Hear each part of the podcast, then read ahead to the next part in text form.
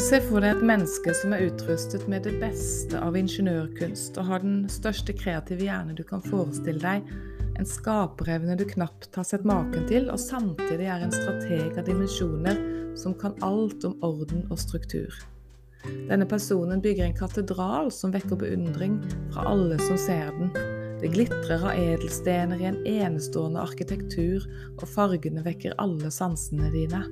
Du står der og gaper omtrent over dette vakre verket som har vokst fram for dine øyne. Så skjer det underlige. Skaperen av dette underverket kommer bort til deg og spør om du vil være med og sette avtrykk i denne vakre katedralen. Hva ville du svart da? Jeg ville nok svart at nei, det kan jeg umulig klare. Ingenting av det jeg har kan bringe noe verdi inn i dette vakre kunstverket. En forståelig og menneskelig reaksjon. Men hva om denne skaperen var Gud, og katedralen var kosmos? Da tror jeg Gud ville svart deg. Ja, men jeg har også skapt deg, min kjære. Ikke bare kosmos. Jeg har satt mitt avtrykk i deg. Jeg har gitt deg noen gaver som jeg vil du skal bruke. Jeg vil så gjerne at du setter himmelske avtrykk sammen med meg, slik at mennesker får se hvem jeg er. Tenk for et oppdrag vi er med på. Og ingen kan si 'nei, jeg kan ikke bringe verdi inn her'.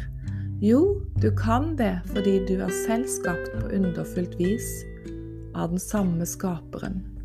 I ham, ved å leve ut det han har lagt i deg, vil dine avtrykk på underfullt vis også være hans avtrykk. Skaperen av kosmos vil bruke deg til å sette himmelske avtrykk på jorden. Det er nesten ikke til å fatte, for en ære. Har du lyst på mine tolv prinsipper som jeg har sett over tid er viktige for å virkeliggjøre ting som Gud har lagt i oss, så kan du melde deg på min e-postliste i linken, og så får du de tilsendt som en PDF-fil. Hvis du er med på lista mi allerede, har du nok allerede fått den, men eh, du kan bare prøve linken, så ser du. Gud velsigne deg i det du har fått, Verden trenger også ditt bidrag.